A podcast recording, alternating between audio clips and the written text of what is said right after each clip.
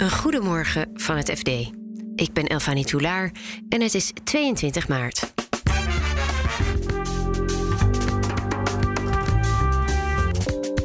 Hongarije heeft te maken met een grote vluchtelingenstroom uit Oekraïne. In opvanglocaties proberen ze de vluchtelingen gerust te stellen. Dus er komen dan mensen aan en die kijken dan ja, eigenlijk naar, naar, dat opvang, eh, naar die opvangplek en die beginnen dan te huilen. Want ze hebben gewoon geen idee. Ze kennen niemand en ze weten ook gewoon niet hoe ze verder moeten.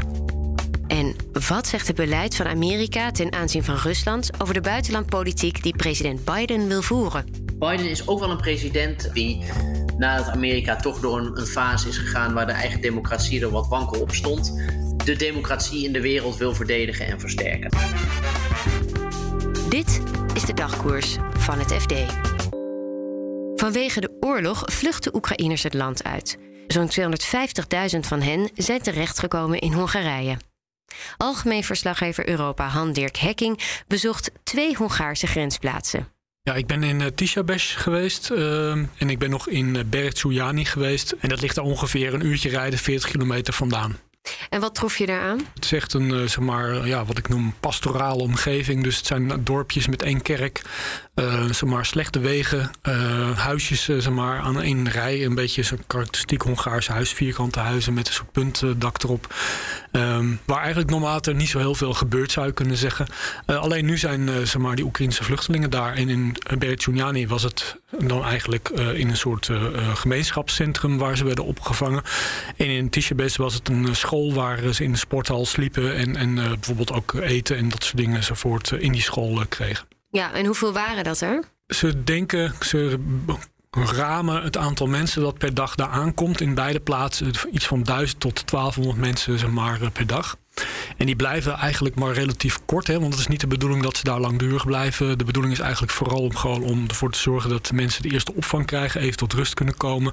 En dan vervolgens zeg maar, is de bedoeling dat dan eigenlijk via ofwel uh, zeg maar, vervoer dat wordt aangeboden door privéautomobilisten, dan wel zeg maar, uh, met vervoer van bijvoorbeeld bussen naar een treinstation worden gebracht, of zelfs ook gewoon verder. En jij bent daar gewoon een beetje gaan rondlopen en je sprak mensen aan. Hoe ging dat? Nou, kijk, eigenlijk wist ik niet zo goed wat ik daar kon verwachten, wat voor tafereel ik daar zou zien. Uh, want het is wel duidelijk, deze mensen hebben heel vaak hebben ze gewoon ongelooflijk lange reizen moeten doormaken voordat ze überhaupt in veilig gebied zijn.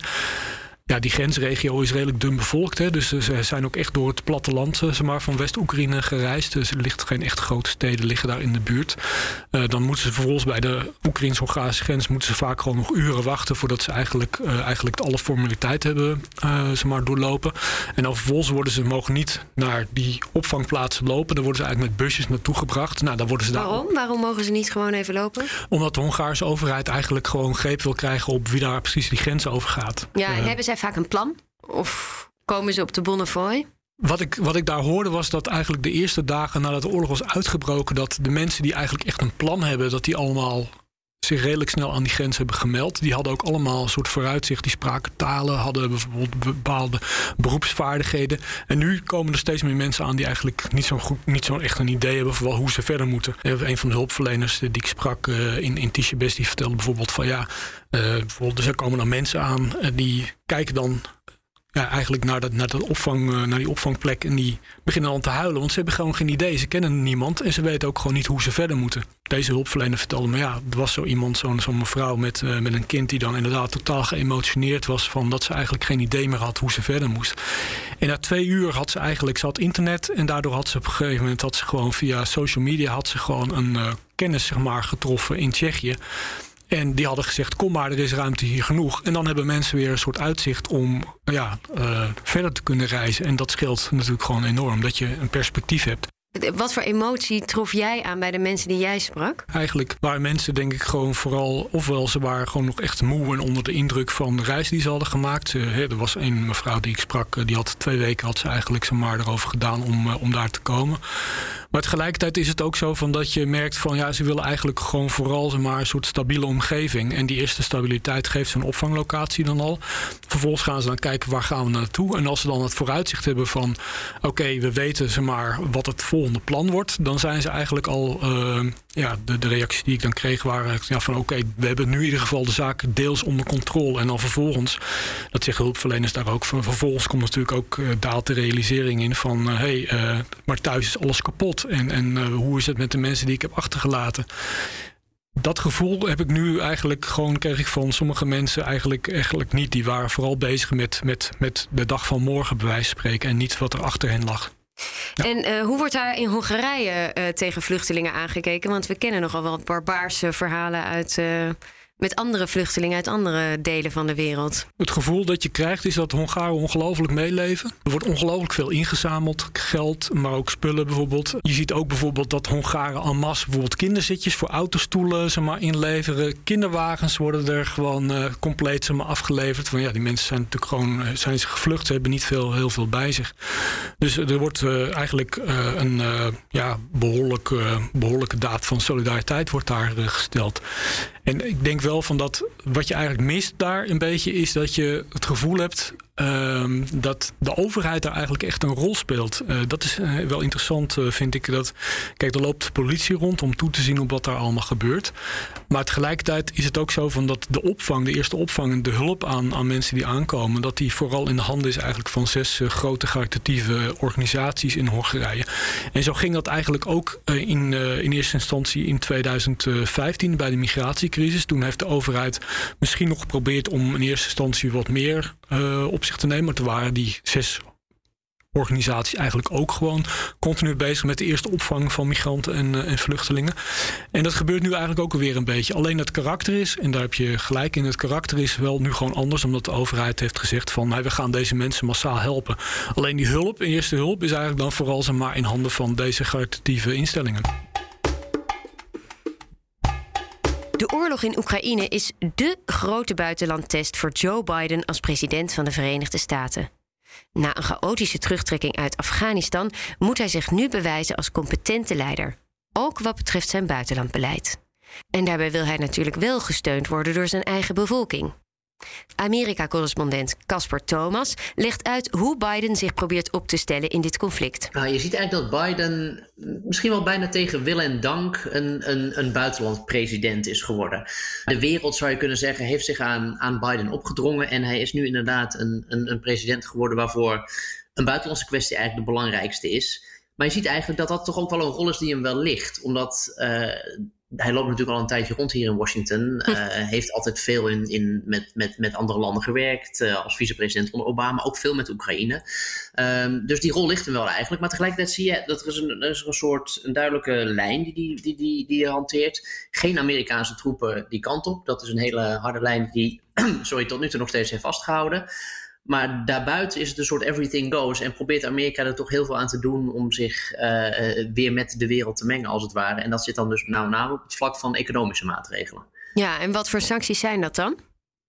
Nou, dat is dus het interessante. Het is een heel breed pakket aan sancties, waar ook de, de, de grote sanctie-experts, de mensen die hier onderzoek naar doen, uh, eigenlijk over verbaasd zijn hoe breed, omvangrijk en snel dat allemaal gaat om even met het meest extreme te beginnen, het bevriezen van banktegoeden van de Russische centrale bank uh, bijvoorbeeld.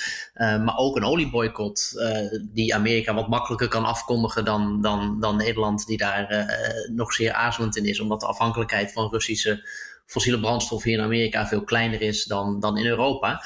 Inreisverboden voor sommige Russen, sancties op Poetin en zijn, zijn nabije kring. Dus Amerika trekt echt de kar momenteel van als het gaat om de, de totale economische isolatie van Rusland. Dus militair ingrijpen, dat niet, maar verder ongeveer alles. wat is het achterliggende idee van deze doctrine? Nou, er is, er is een soort groter idee en een, en een, en een specifiek kleiner idee. Om, om met dat grotere idee te beginnen. Biden is ook wel een president die nadat Amerika toch door een, fase is gegaan waar de eigen democratie er wat wankel op stond de democratie in de wereld wil verdedigen en versterken. En dat idee eigenlijk waar die, die, die Amerika als verdediger van de democratie in de wereld, dat komt nu een beetje tot uiting in die, in die economische maatregelen die het neemt eigenlijk als straf, als, als aanval ook op Rusland uh, in respons op de Russische aanval op Oekraïne. Um, en dan is er nog een soort specifieker idee en dat, dat is een beetje naar buiten gekomen de afgelopen weken in verschillende speeches van Biden.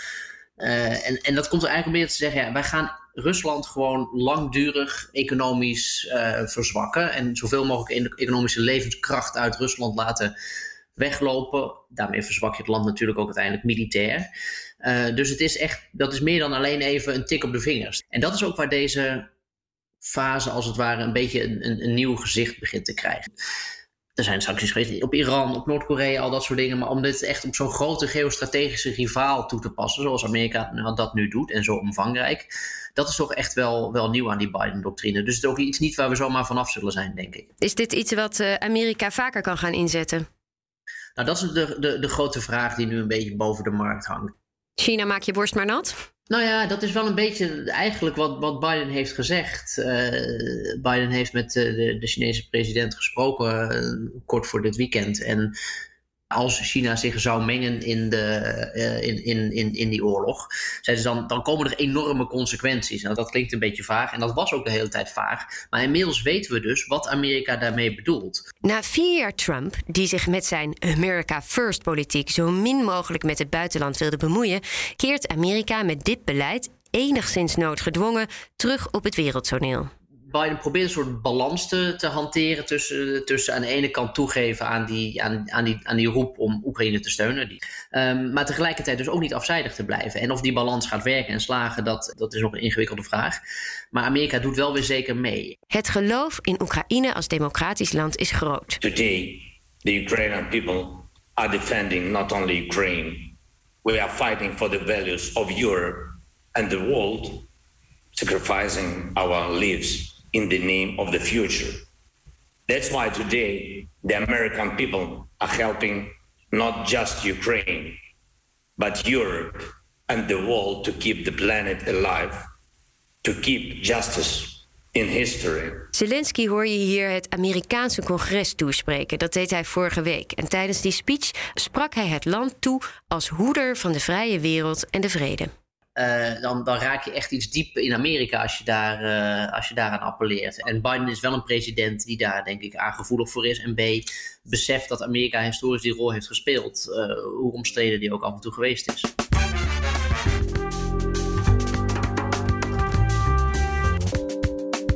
Dit was de dagkoers van het FD. Op fd.nl lees je meer over deze onderwerpen. En je volgt daar natuurlijk ook het financieel-economische nieuws. Dagkoers volg je in je favoriete podcast-app. Zoek ons even op en klik op abonneren. Dan staan we morgenochtend weer voor je klaar. Een hele fijne dag en tot morgen.